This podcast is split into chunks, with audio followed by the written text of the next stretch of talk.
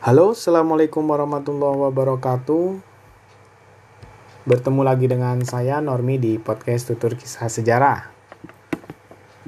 Pada tutur kisah sejarah kali ini, saya ingin bercerita tentang bagaimana pentingnya pembelajaran sejarah terutama materi perkembangan praksara di Indonesia dengan jurusan Tata Busana di SMK Kepariwisataan. Silakan didengarkan. Bila kita berbicara tentang busana, berarti kita berbicara tentang pakaian, tentang hal-hal yang menempel di dalam tubuh manusia, yang merupakan sebuah kebudayaan yang diciptakan oleh manusia itu sendiri. Manusia praaksara, berarti kita berbicara tentang manusia purba. Di mana di Indonesia kita mengenal bahwa fosil-fosil Homo erectus banyak sekali ditemukan, bahkan 50 sampai 70% fosil Homo erectus itu terdapat di Indonesia. Dan kita termasuk negara yang mana penemuan fosil di negara tersebut cukup banyak. Dan tidak menutup kemungkinan kebudayaan kita di Indonesia sudah lebih maju dibandingkan dengan kebudayaan-kebudayaan praksara di wilayah lainnya.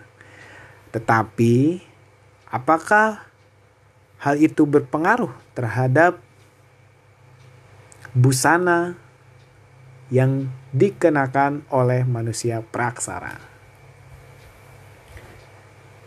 Bila menilik di dalam corak kehidupan kebudayaan praaksara di Indonesia, berarti kita tidak terlepas dari yang namanya Paleolitikum, Mesolitikum, Megalitikum, Neolitikum sampai masa logam. Berbicara busana juga tidak terlepas dari manusia-manusia pendukungnya di masa-masa tersebut. Kita kenal di masa Paleolitikum,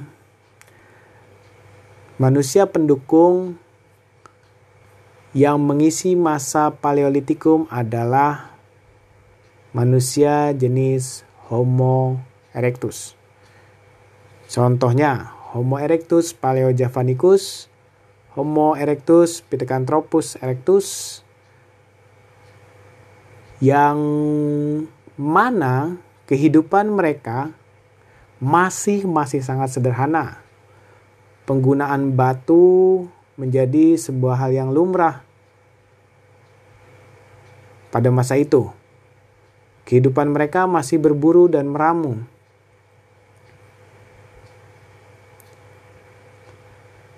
Hal inilah yang nantinya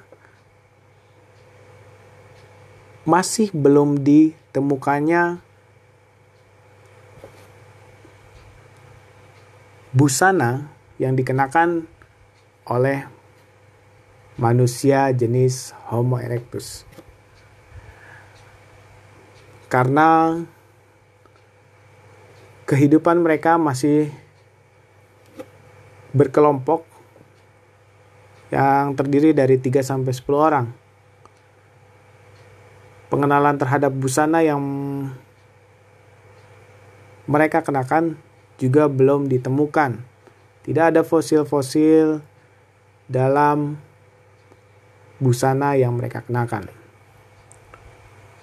Di masa berikutnya Mesolitikum kita kenal se uh, suku bangsa Australo Melanesoid dan juga Mongoloid.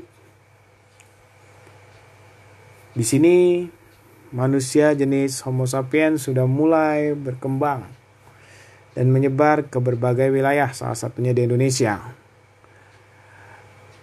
Kehidupan sosial mereka masih berburu dan meramu, terutama tingkat lanjut. Mereka juga sudah mulai hidup semi sedenter atau menetap secara sementara. Biasanya mereka menggunakan gua sebagai tempat tinggal. Alat-alat kehidupannya berupa tulang-tulang atau bone culture, kemudian alat-alat serpih dan juga kapak genggam. Tidak ditemukan secara pasti busana yang dikenakan oleh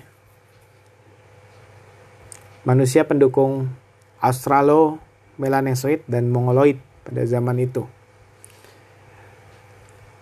Tetapi di masa berikutnya, di masa bercocok tanam, terutama budaya megalitikum dan neolitikum,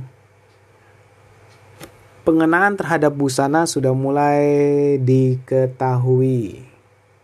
Hal itu tidak terlepas dari bagaimana peran mereka, terutama kontak antara manusia-manusia yang ada di Nusantara dengan manusia-manusia yang ada di wilayah lain contohnya di daerah Yunan.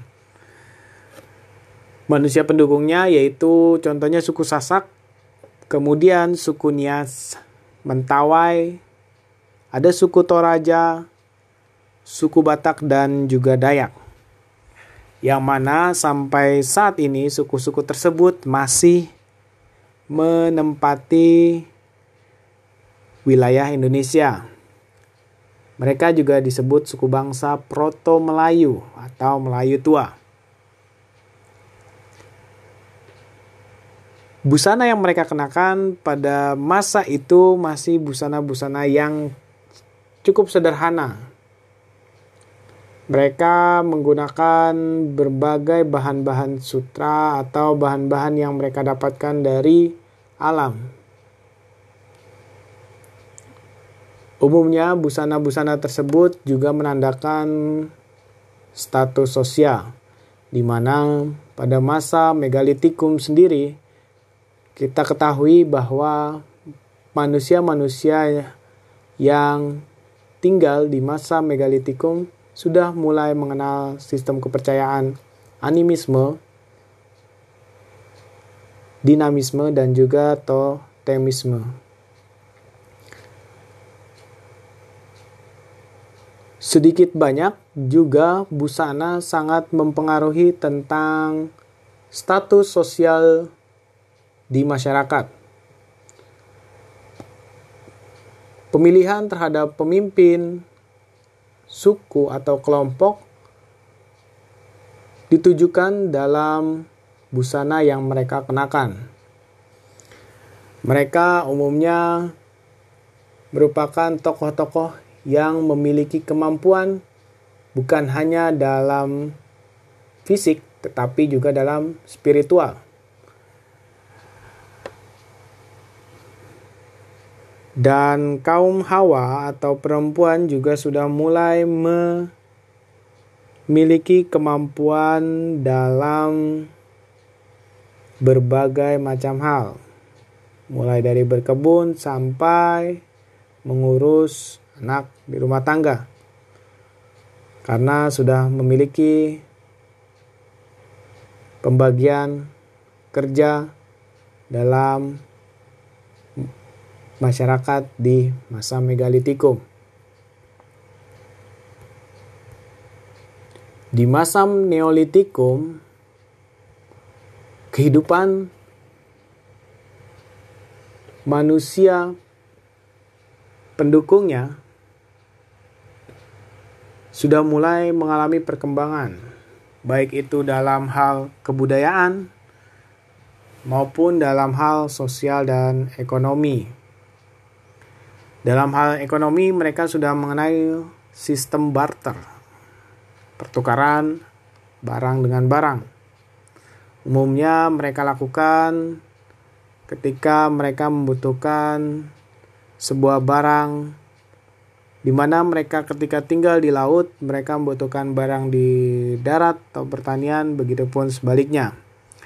Manusia pendukungnya yaitu dari bangsa Dutro Melayu yang kita kenal sekarang seperti suku Jawa, Sunda, Bugis, Aceh, Makassar, dan beberapa suku lainnya di Indonesia. Di masa Neolitikum juga, alat-alat yang digunakan sudah mulai diperharus, disederhanakan dengan efektivitas dan efisiensi dalam penggunaannya. Rumahnya berbentuk panggung, sudah memiliki pembagian kerja bahkan nelayan merupakan salah satu kebiasaan yang dilakukan oleh masyarakat di masa Neolitikum. Pengenalan astronomi membuat mereka lebih paham tentang kapan mereka harus menanam dan juga panen. Dalam hal busana, kita ketahui bahwa sampai saat ini pakaian-pakaian adat yang digunakan oleh suku-suku bangsa di Utara Melayu seperti suku Jawa, Sunda, Aceh, Bugis, dan Makassar sudah mulai mengalami perkembangan dari masa megalitikum. Sehingga terdapat corak-corak tertentu dalam ketata busanaan yang mereka kenakan. Di masa berikutnya, di masa logam,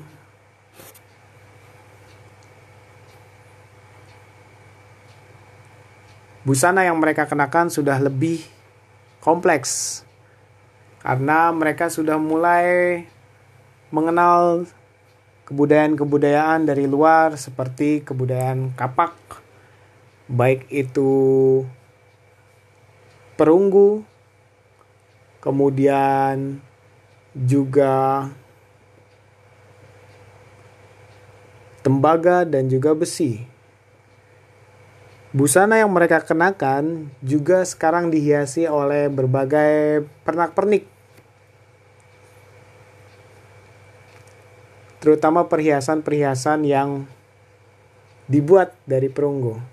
Di zaman logam juga kita mengenal yang namanya undagi.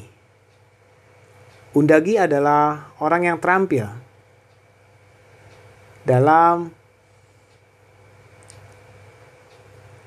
pembagian tugas di masa log zaman logam. Masyarakatnya sudah teratur, menetap baik di gunung, di pantai maupun di dataran rendah dengan satu orang pemimpin. Bahkan di masa logam ini pertukaran kebudayaan sudah terjadi antara masyarakat di Nusantara dengan masyarakat yang ada di Yunan dan juga di Filipina. Hal itu terbukti dari beberapa peninggalan-peninggalan atau artefak dalam bentuk tanah liat, logam, baik itu perunggu, besi, maupun tembaga. Oleh sebab itu, logam menjadi barang yang mahal dan langka pada saat itu.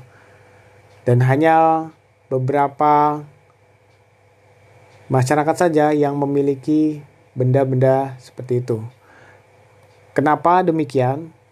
Karena benda logam juga merupakan alat pendukung dalam hal pertanian dan juga ritual-ritual keagamaan.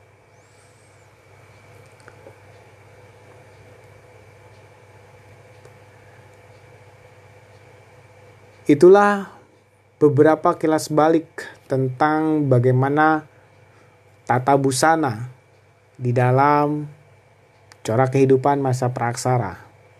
Tetapi pada masa kini kita ketahui beberapa pakaian-pakaian atau busana yang melekat pada masa kini tidak terlepas dari perkembangan kebudayaan di zaman praksara. Kita ketahui sampai saat ini pakaian-pakaian adat masih digunakan oleh sebagian besar masyarakat masyarakat adat di Indonesia. Kemudian pernak-pernik baik itu besi, perunggu, ataupun tembaga masih digunakan sebagai alat bantu dalam kehidupan masyarakat.